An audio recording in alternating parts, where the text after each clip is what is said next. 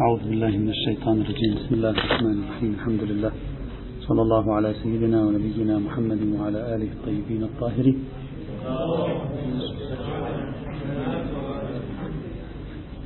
نظرية العدالة بالحد الأدنى أو تصورنا المختار لقاعدة العدالة.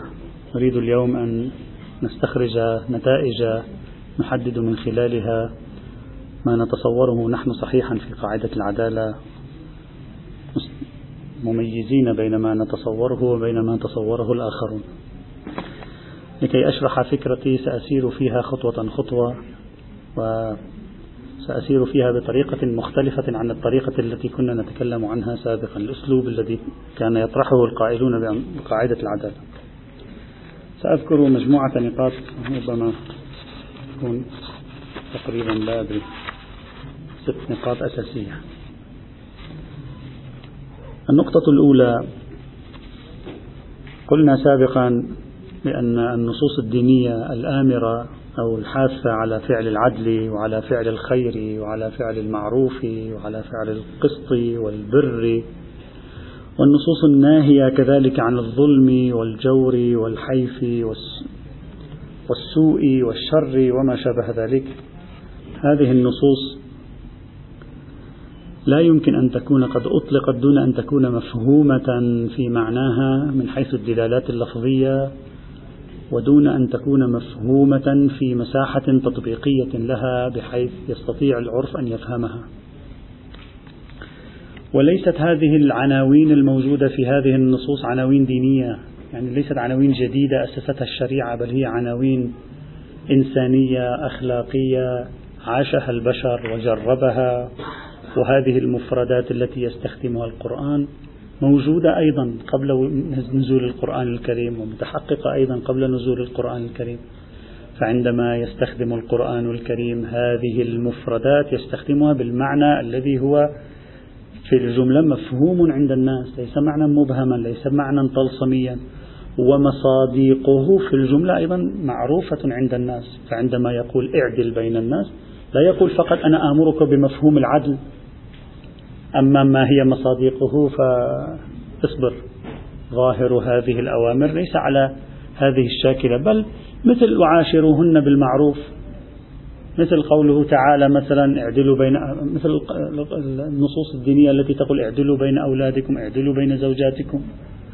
مفهوم واضح تتدخل الشريعة أحيانا في توضيح بعض مفرداته ولكن جملة المفردات الأخرى تكون بالنسبة للإنسان جلية عندما توجهنا النصوص هذه نحو هذه العناوين فهذا يعني مبدئيا أنها تعترف بأننا نفهم هذه الكلمات التي تحمل مجموعة من القيم الأخلاقية.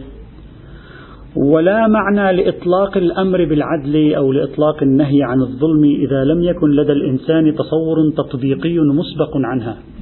لا ليس عنده أي تصور فقط يعرف أن العدل هو شيء جيد. أما ليس هناك تصور تطبيقي بالمرة عن هذه المفردات فلا معنى له. لأنه إن لم يكن هناك تصور تطبيقي بالمرة والشريعة لم تأخذ أي تصور تطبيقي بالمرة عندما أطلقت هذه المجموعة الكبيرة من الآيات والروايات إذا كان الأمر كذلك ستصبح هذه النصوص أشبه بالأوامر المعلقة في الفضاء. ستصبح هذه النصوص أشبه بالنواهي المعلقة في الفضاء. لا بد أن يكون النص وهو يشير إلى الأمر بالعدل يرى شيئا في الخارج يمثل العدل ويرشدك إليه ويطلب منك أن تحققه ولو في الجملة. وإلا تصبح نصوصا معلقة في الفضاء في هذا الإطار. وهذا يعني وهذا كله قلناه سابقا الآن أخرج ببعض النتائج وأرتب النتائج وأضيف. وهذا يعني أن الأوامر الدالة على العدل أو النواهي الدالة على الظلم وأخواته تؤسس قاعدة العدل. بأي معنى؟ بمعنى أن مفهوم العدل الذي ألقي إلينا في هذه النصوص فهمناه ونعرف في الجملة تطبيقاته وأن الشريعة عندما أمرتنا به أمرتنا بمفهومه وبتلك الجملة من التطبيقات في الحد الأدنى. وهذا واضح هذا قلناه سابقا. هذا النقطة الأولى. النقطة الثانية. لكن هذه النتيجة التي خرجنا بها الآن لا تعني أكثر من أن النص الديني يقر في الجملة بوعي البشر للمفهوم والمصداق في باب العدل والظلم. أنه في الجملة الشريعة تقر بوعي البشر للمفهوم والمصداق. ولكن قيام المشرع بذلك يعني بدعوتنا إلى العدل أو بنهينا عن الظلم مقرا بفهمنا لهما ولو في أرض الواقع في أرض التطبيق. هذا لا يعني أن النص كبل يديه عن أن يتدخل هو. ابدا لا يعني ليس لهذه لهذه الدلالات الآتية من الكتاب والسنة أي مفهوم. عندما يقول آمركم بالعدل ونعرف أننا نفهم العدل ونعرف أننا نطبق العدل في الجملة ويشير لنا هو يقول آمركم بالعدل يشير إلى تلك التطبيقات. في الجملة هذا لا يعني أنه يعلن أنني غير قادر على أن أتدخل أنا في تحليل مفهوم العدل أو غير قادر على أن أتدخل في الإضاءة على بعض مصادق العدل سلبا وايجابا. بله هم در مفهوم الشرع نعم نعم, نعم. المفهوم الكلي الإجمالي لا حاجة للنقاش فيه. مفهوم لغوي لا بأس به. الآن سنقول ماذا نقصد من المفهوم؟ يعني الحدود والمعالم وكذلك التطبيقات بعد ذلك. إذا قيام المشرع بذلك لا يفرض أنه قيد نفسه عن التدخل في رسم صورة خاصة به عن العدل. عندما أنا أقول لك آمرك بالعدل لا يعني ذلك أنني بعد ذلك ممنوع أن أجي أتدخل وأقول لك أنا لدي مفهومي الخاص للعدل ولدي حدودي الخاصة للعدل ولدي خارطتي الخاصة للعدل ولدي معالمي الخاصة للعدل ولدي تطبيقات أقول لك هي عدل وتطبيقات أخرى أقول لك هي ظلم. لا يعني أنني من الآن فصاعدا بات علي أن أغلق فمي لأنني أمرتك بالعدل والعدل مفهوم لك وفي الجملة أنت تعرف تطبيقاته. أبدا. ليس هناك أي دلالة على ذلك. كل الدساتير والقوانين والنظم في العالم تأمر بالعدل وتنهى عن الظلم ومع ذلك هي تقوم بتفسير العدل. تملك رؤية فلسفية في معنى العدل الذي هي تؤمن به. لا يعني إذا كان في أول الدستور نص أو بند يقول إننا نؤمن بالعدل وندعو إلى تطبيقه ونحن نرفض الظلم وندعو إلى تركه. لا يعني ذلك أنهم لم يعد لديهم حق أو مجال في أن يتدخلوا بعد ذلك في رسم رؤيتهم هم للعدل. كل الدساتير كل النظريات في العالم تدعو إلى العدل ومع ذلك كل واحدة منها لها فهمها الخاص بالعدالة وهذا شيء طبيعي. يجب أن نأخذه بعين الاعتبار.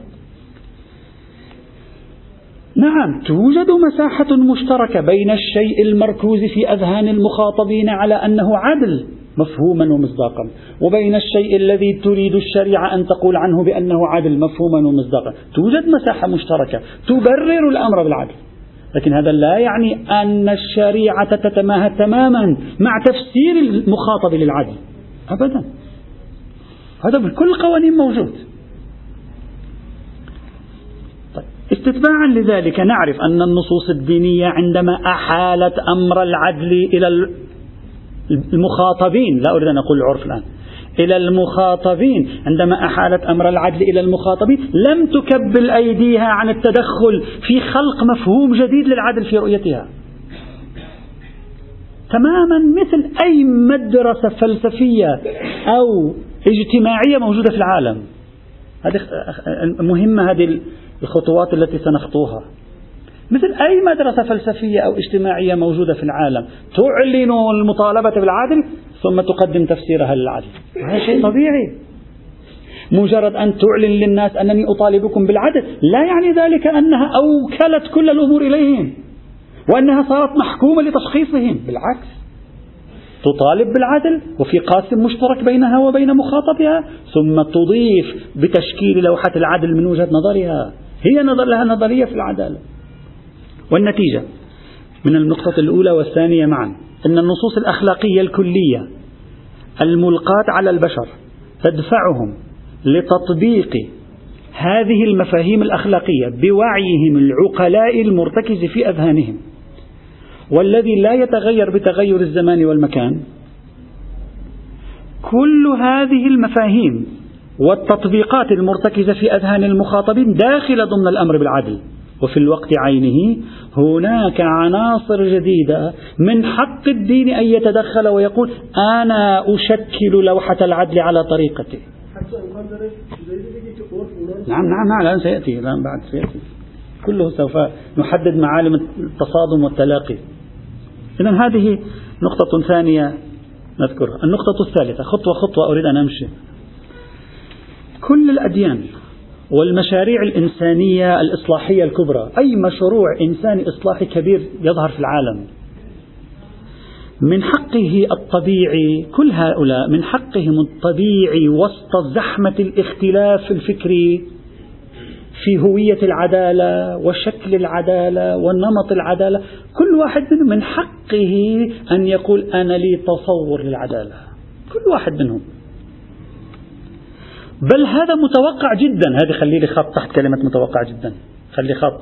يعني كلما يأتيك مفكر أو مدرسة نهضوية إنسانية كبيرة تأتي على البشرية وتعلن أنها تريد العدل وتطالب بالعدل. نتوقع منها حيث أنها حركة جديدة أن يكون لها رؤية فلسفية خاصة بها للعدل ورؤية اجتماعية خاصة بها للعدل ورؤية سياسية خاصة بها للعدل. هذا متوقع منتظر. يعني نبقى نحن نجلس نضع آذاننا لنستمع إلى تفسيرهم للعدل. وإلا إذا لم يكن في الأمر تفسير جديد للعدل ما قيمة الحركة النهضوية الجديدة؟ لا يوجد شيء. لا توجد حركة نهضوية. الحركة النهضوية الجديدة قوتها ومعناها في تقديمها تفسيرا جديدا. في مجال الحياة الاجتماعية والسياسية والاقتصادية والتربوية والأسرية للحق والخير للحق والباطل للخير والشر للعدل والظلم. هذا ماذا الذي أريد أن أتوصل إليه؟ يعني كلما ظهر دين جديد كلما ظهرت مدرسة فكرية اجتماعية جديدة يجب أن نكون في موقع المستمع إلى تفسيرها ورؤيتها للقيم الأخلاقية. كيف تفسرها؟ كيف تنزلها؟ هذا هو المنطق الطبيعي. أنا لا أريد أن أدخل للموضوع من زاوية أصولية أريد أن أخرج منه من زاوية أصولية ولا أدخل منه من زاوية إنسانية طبيعية. هذا طبيعي. مثلا الأديان جاءت لخلاص الإنسان من تلوثاته من أخطائه من انحرافاته من تلويث فطرته. هكذا جاءت الأديان. شو فائدة الأديان إذن؟ من الطبيعي الأديان أن تعيد للإنسان فطرته السليمة التي من الممكن أن تكون قد تلوثت بفعل تراكم الأزمنة بفعل مصالح السلطات الحاكمة لوثت فطرة الإنسان. شوهت القيم الأخلاقية التي ركزت في وجدانه زرعت في وجدانه. يأتي الدين لكي ينقذ هذه القيم ويقول كل تلك المصالح الاجتماعية المتناقضة لأصحاب القرار والنفوذ ولقوى المال وغيرهم هؤلاء يجب أن نحرر القيم الأخلاقية منهم فأقدم لك تفسيرا لهذه القيم. يحررك من الصورة التي صنعها هؤلاء لك عبر التاريخ ولوثت فطرتك. وهكذا تأتي الأديان لتفعل. إذا الدين يأتي ليصحح تصورات الإنسان ولو التي جاءته من حيث لا يشعر. الإنسان ليس معصوما. صحيح يعرف الخير والحق. صحيح يعرف في الجملة الباطل والشر. صحيح يعرف في الجملة العدل والظلم. لكن ليس معصوما. وإلا لا فائدة لمجيء الأديان إذا كان الإنسان معصوما. إذا الأديان تأتي لتصحيح تصورات الإنسان. عندما تكون هذه التصورات قد انحرفت إما بفعل الهوى منه أو بفعل الهوى من بعضهم والمصالح ولذلك تجد في القرآن الكريم تعابير متنوعة دائما تخبرنا بأن الله يعلم وأنتم لا تعلمون. كأنما تريد أن تضيف إلينا أفكارا غابت عنا. أو أو بعض النصوص التي وما أوتيتم من العلم إلا قليل. دائما هذه الثنائية. تكرهون شيئا هو خير لكم وتحبون شيئا هو شر لكم. لماذا؟ لأن الإنسان لا يهتدي دائما لسبيله وإذا اهتدى لسبيله عناصر الشر في الحياة الفردية وعناصر الانحراف في الحياة الاجتماعية تحرفه ولذلك الحركات الإنسانية الكبرى ماذا تأتي تفعل؟ تنقذ الإنسان من هذا الانحراف الماركسية لما جاءت ماذا أراد أن تفعل؟ تنقذ هذا الإنسان من السطوة والانحراف الذي قامت به البرجوازية ومن قبلها قامت به الإقطاعية لماذا؟ لأن الماركسية تقول لك الإقطاعيون جاءوا وأوهموا الإنسان بنظام عادل فظلموا بذلك الفلاحين. وأنقذتنا البرجوازية من مرحلة الإقطاعيين لكنها أوقعتنا فيما هو أسوأ. برأي الماركسي ما هو؟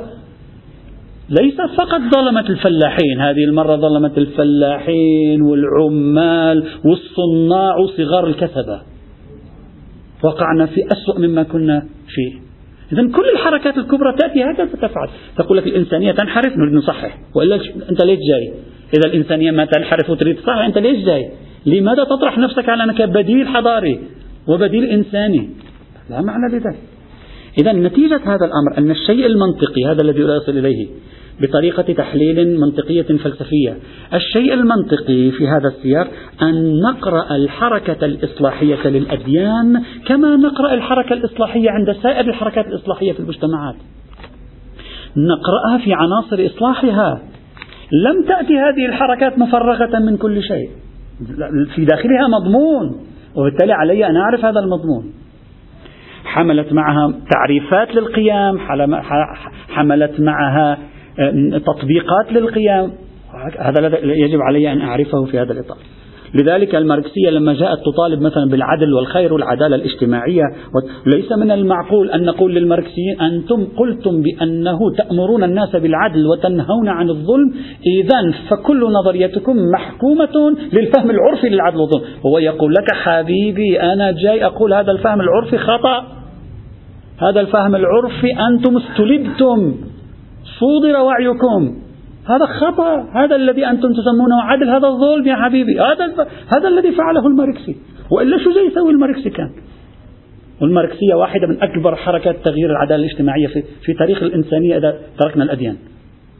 ولا تستهن بالماركسية أبدا. لا لا, لا ماركسية سقطت الاتحاد السوفيتي سقط الماركسية مدرسة كبيرة جدا إلى يومك هذا نافذة في جميع العلوم والفنون وما زالت نافذة في كثير من الحركات السياسية في العالم. حركة إنقاذ. تقول له فإذا تفسيرك أنا أجعله خاضعا لتفسير العرف الذي أنت تخاطبه. يقول أنا جاي أصلح هذا العرف في أخطائي. نعم أنا أشترك مع هذا العرف في الجملة. طبيعي أنا لست نقيضا له. لكن أنا أردت أن أصلحه وعندي رؤية للعدالة. الأديان هكذا تأتي تقول. طيب. هذا يعني أن الخطوة الأكثر منطقية في هذا السياق أن نذهب لكي نعرف العدالة التي يؤمن بها الدين نذهب إلى نصوصه. أترك الدين ارتباطه بالله. تصوره عبارة عن مشروع حضاري فكري لشخص اسمه محمد بن عبد الله بن عبد المطلب. خلينا نحرر لما تحرر القضية من الله سبحانه وتعالى إذا صح التعبير لما تحرر القضية من هذه التصورات تستطيع تتعامل معها بأريحية أكثر. تصور يا أخي شخص اسمه محمد بن عبد الله بن عبد المطلب اجى برؤية جديدة اجتماعية سياسية تنظيمية لحياة البشر بمساحة معينة معتد بها وأراد أن يصلح. أنا كيف أعرف العدالة؟ أعرف العدالة التي يؤمن بها من خلال مخاطبيه؟ ولا بعرف العدالة التي يؤمن بها من خلال نصوصه؟ أيه المنطقي أكثر. أذهب إلى نصوصه. أستمع. هو ماذا يفسر العدالة؟ هو ما هي رؤيته للعدالة؟ أفهمها فهما داخليا. أفهم معناها أفهم صورتها أفهم تجليها الميداني من داخل منظومة نصوصه. ثم أقول العدالة في فهم الإسلام لها هي كذا وكذا وكذا وكذا. في الحياة السياسية هي كذا في الحياة الاقتصادية كذا. شيء طبيعي. ليش أقول هذا؟ لأن دينا مثل الإسلام واليهودية بالخصوص بالخصوص. دينا بالخصوص مثل الإسلام واليهودية. النظرية تقول بأنه هو جاء ووضع منظومات قانونية. يعني لما تقول لي في دين مثل أفرض نفرض البوذية لا في منظومات قانونية ولا شيء. نعم أقول لك ما عنده مشروع حتى يكون عنده تعريفه الجديد للعدالة. لكن لما يأتي دين ويقول أنا عندي مشروع ومشروعي هذا يتدخل في الروابط الأسرية ويتدخل في العلاقات الاجتماعية ويتدخل في كذا وكذا وكذا. وأنت تقر أنت القائل بقاعدة العدالة أنت تقر بهذا. إذا هذا لما كانت هذه هي صورته إذا لكي أعرف نظرية العدالة عنده أذهب إليه.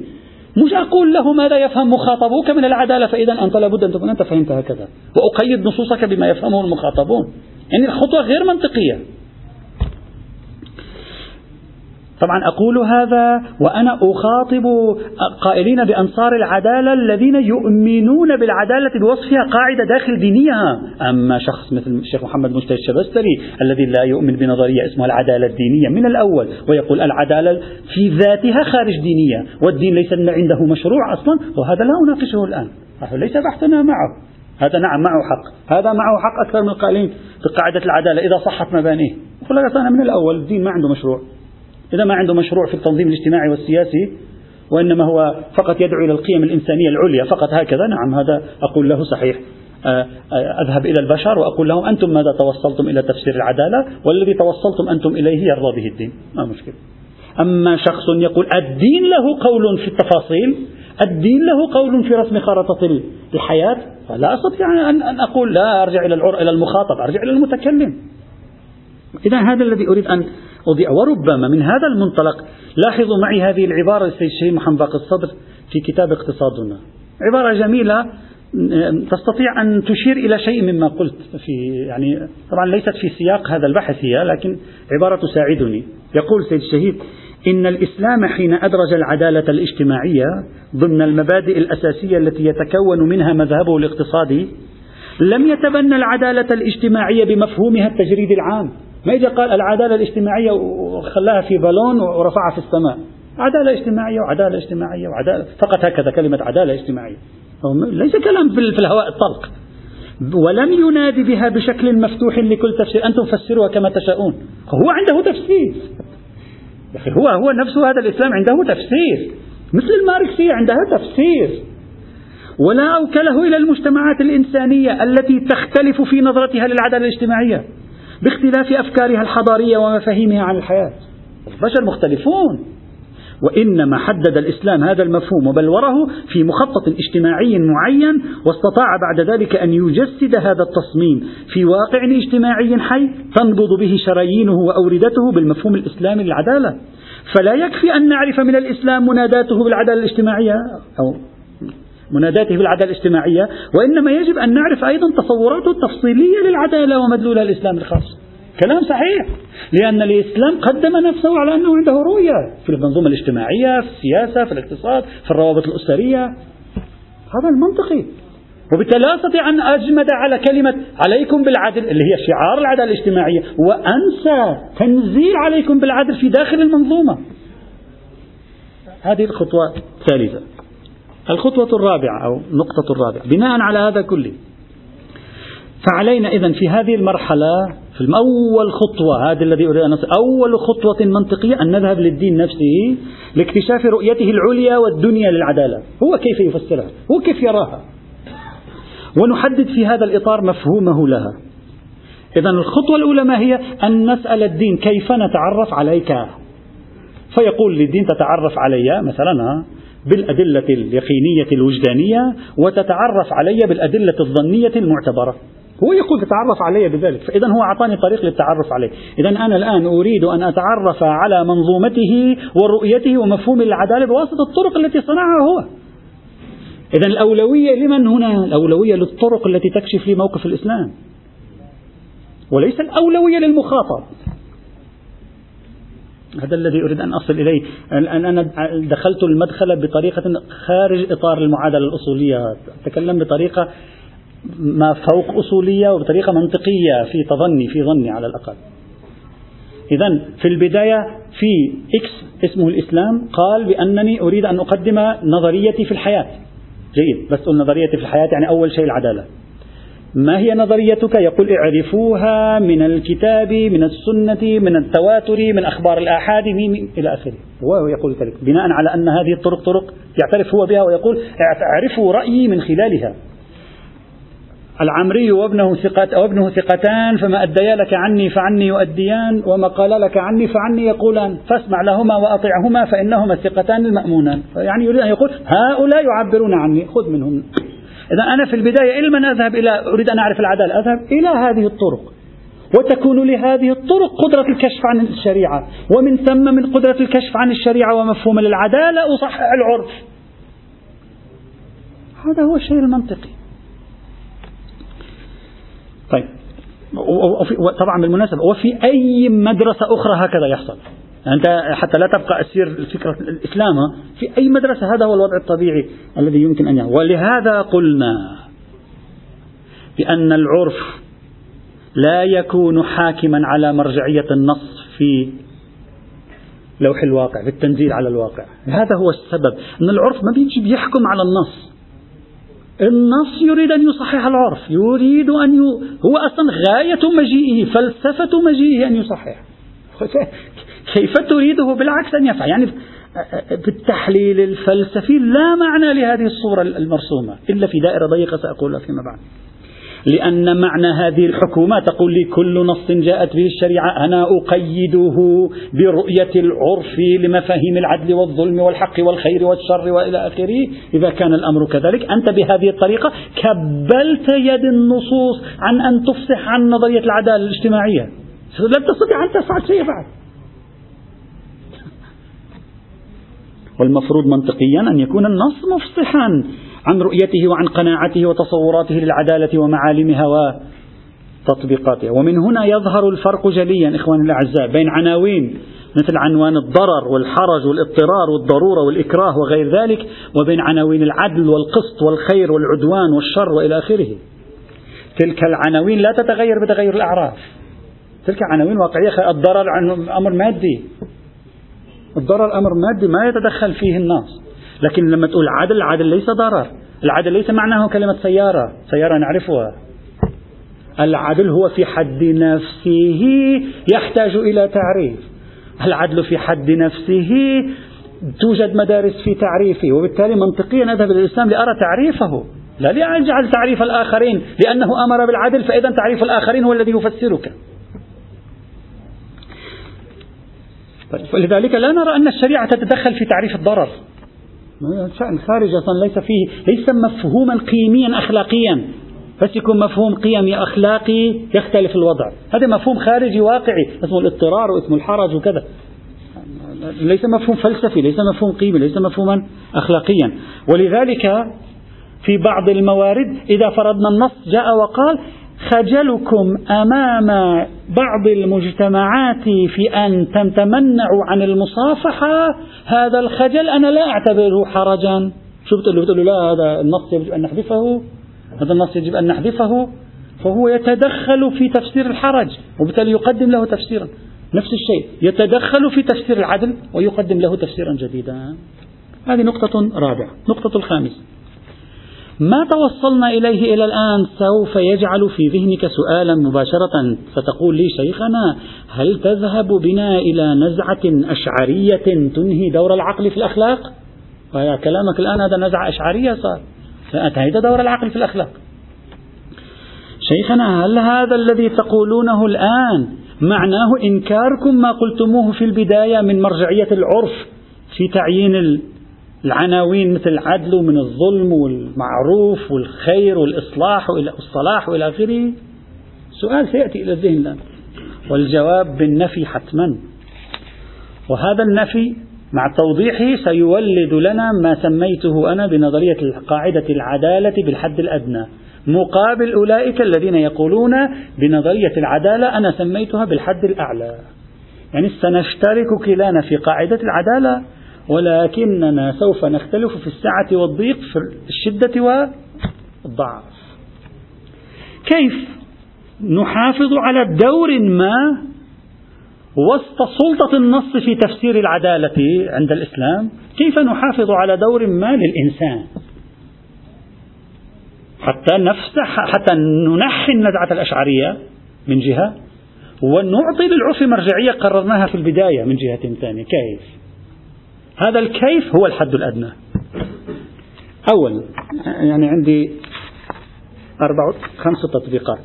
يعني خمس خط نقاط في داخل هذه الخطوة حتى أشرح الفكرة. وإن شاء الله الوقت يسعفنا لأن اليوم نريد أن ننتهي من العدالة. حتى نبدأ إن شاء الله غدا بقاعدة الأخلاقية ما يعرف بالقاعدة الذهبية الأخلاقية. احبب لغيرك ما تحب لنفسك. باختصار نتعرض لها إن شاء الله. أولا أو ألف. الطريقة التي اعتمدناها إلى الآن هي طريقة استقرائية. ما معنى طريقة استقرائية؟ يعني نحن الآن سوف نستعير من سماحة الإمام الشاطبي رحمة الله تعالى عليه.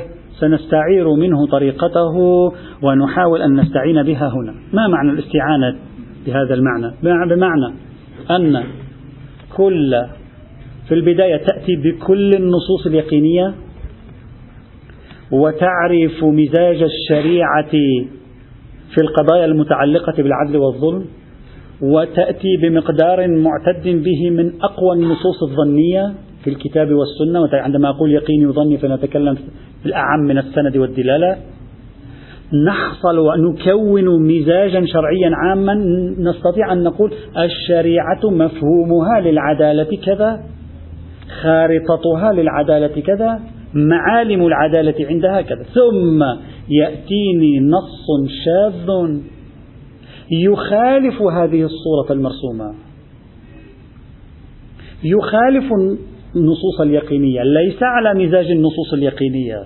ليس على مزاج النصوص الحديثية الظنية الأقوى ظنية.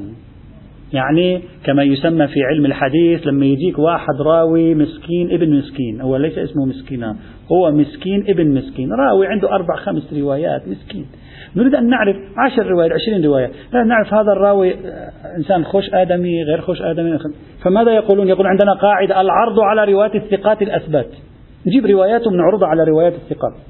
إذا رأينا رواياته تنسجم معها تشبهها مثلا واحد من كبار المحدثين والرواة روى رواية هو نفسه هذا رواها. ننظر. إذا كان هذا بيانه ركيكا وهذا بيانه قوي نقول هذا الراوي ضعيف. إذا بيانه بنفس قوة بيان هذا نقول هذا الراوي يبدو عليه جيد. فنعرف هوية الراوي ومستوى روايته من عرض روايته على نسميها باللغة العربية مسطرة على ميزان على معيار. من هو المعيار؟ الثقات الأثبات. كبار الرواة العمدة.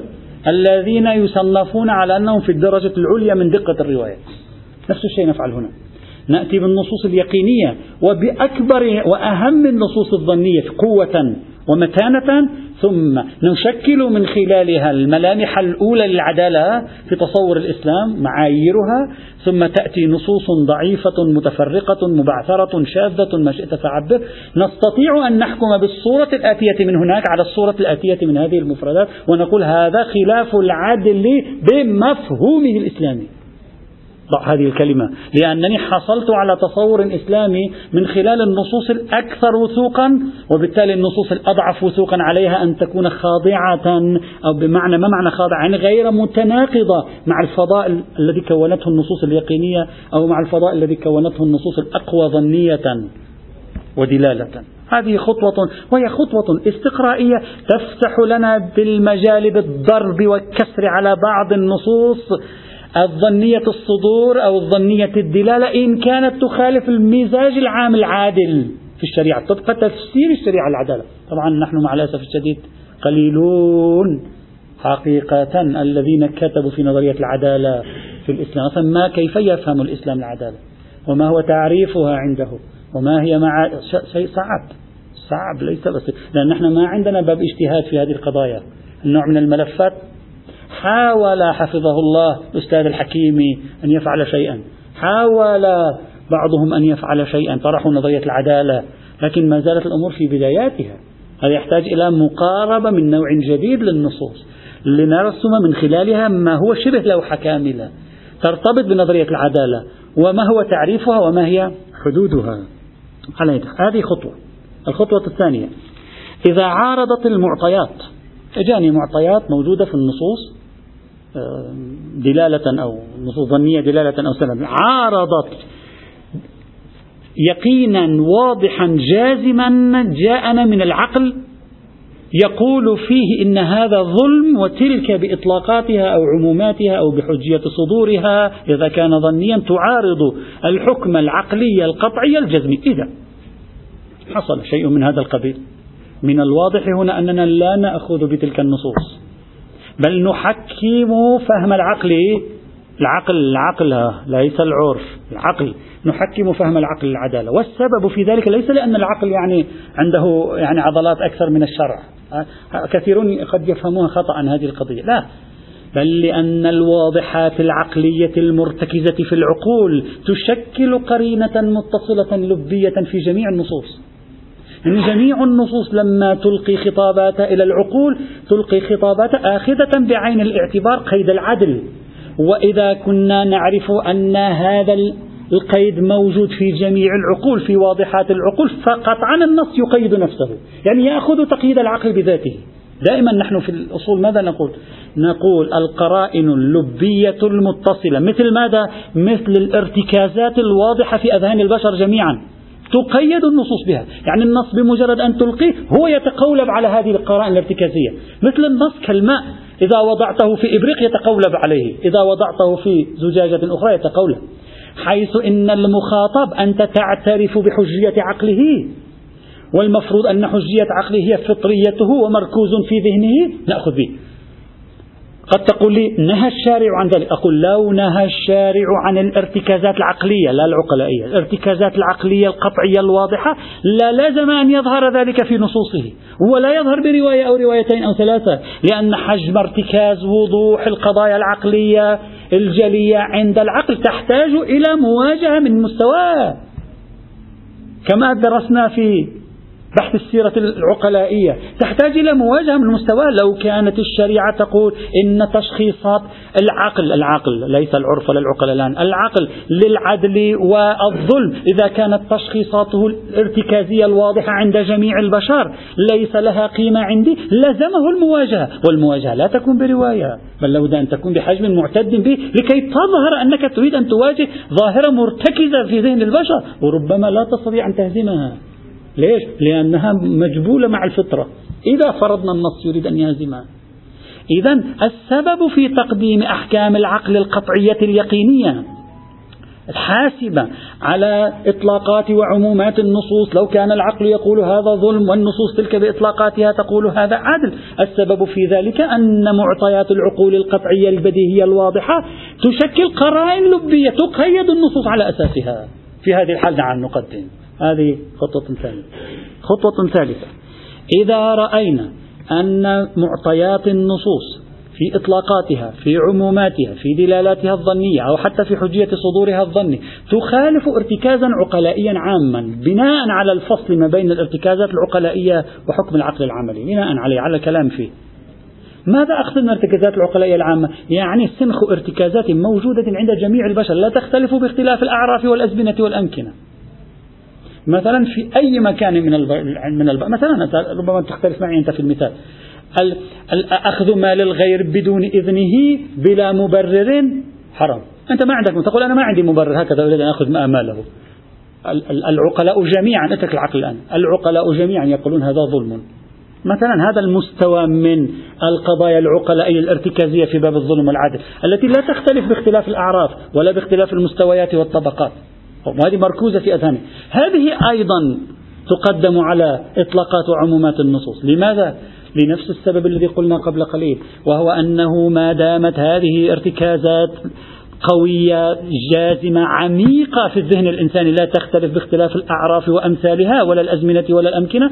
إذا النصوص عندما تلقى تعتبر هذه في ذهن المخاطب بمثابة القرينة المتصلة اللبية.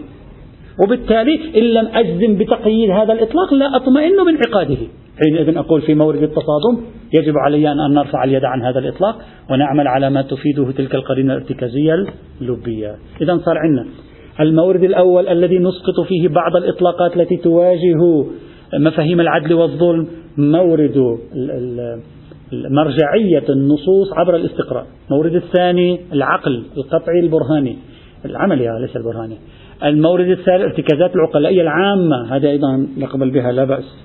المورد الرابع لو كان أمر ما مرتكزا ارتكازا عميقا واضحا بديهيا في عرف زمن النزول أو زمن الصدور. ولو لم يكن ارتكازه عقلائيا في جميع الأعراف. في هذه الحال نقيد به الإطلاقات أيضا. لماذا؟ لنفس السبب. وهو أن الشارع لو لم يكن يرضى بهذا الأمر الارتكازي في باب العدل والظلم الموجود عند عرف زمانه لو كان لا يرضى بذلك للزمه المواجهة. وإلا تحول ذلك إلى قرينة متصلة لبية في ذهن المخاطبين. ولو أنه واجه لوصلنا بطريقة معتد بها. إذ هذه أعراف ارتكازات. عندما أقول طريقة معتد بها يعني إما كثرة في النصوص أو نص واحد في قوة الكثير مثل شو؟ مثل القرآن. النص القرآني هو في قوة الكثير لأنه هو منقول بالتواتر. هذا هذا ما نقصده. فإن لم يكن على خلاف تلك التنزيلات العرفية المعاصرة لزمن النص للقيم الأخلاقية. إن لم يكن على خلافها ما هو موازن لارتكازها في ذلك الزمان فهذا يدل على القبول بها. وإن دل على القبول بها كانت قرائن لبية ارتكازية حينئذ تقيد الإطلاقات والعمومات. هذا أيضا مورد.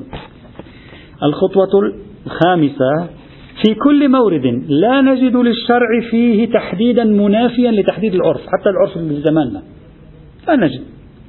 ولا نجد له شيء مناف لتحديد العقل. ولا نجد له شيء منافي لتحديد العقل. لا نجد. له لا سلبا ولا إيجابا. لا يواجهه ولا يؤيده لا إطلاق ولا عموم ولا دليل خاص ولا أي شيء. المرجع هو العرف لماذا؟ لما قلناه في البداية من أن الأوامر المتوجهة إلى العرف والتي تأمره بالعدل والمعروف والخير والصلاح وتنهاه عن الظلم وأمثاله هذه من الذي يتولى؟ يتولى مفاهيم؟ تأتي إلى ذهن البشر في فيتولونها هم أي بحسب أعرافهم طبقا لما قلنا سابقا. ففي كل مورد أيضا لا يكون هناك تدخل من الشارع فيما هو مقابل أو مطابق للعقل أو العقلاء أو الأعراف فهم المتولون لتطبيق هذه العناوين على مصادقها مثل أي مورد آخر مثل مورد الضرر ومورد الحرج وإلى آخره. كما قلنا في البداية عندما وافقنا الشيخ الصانعي في أصل الاستدلال بهذه الأدلة.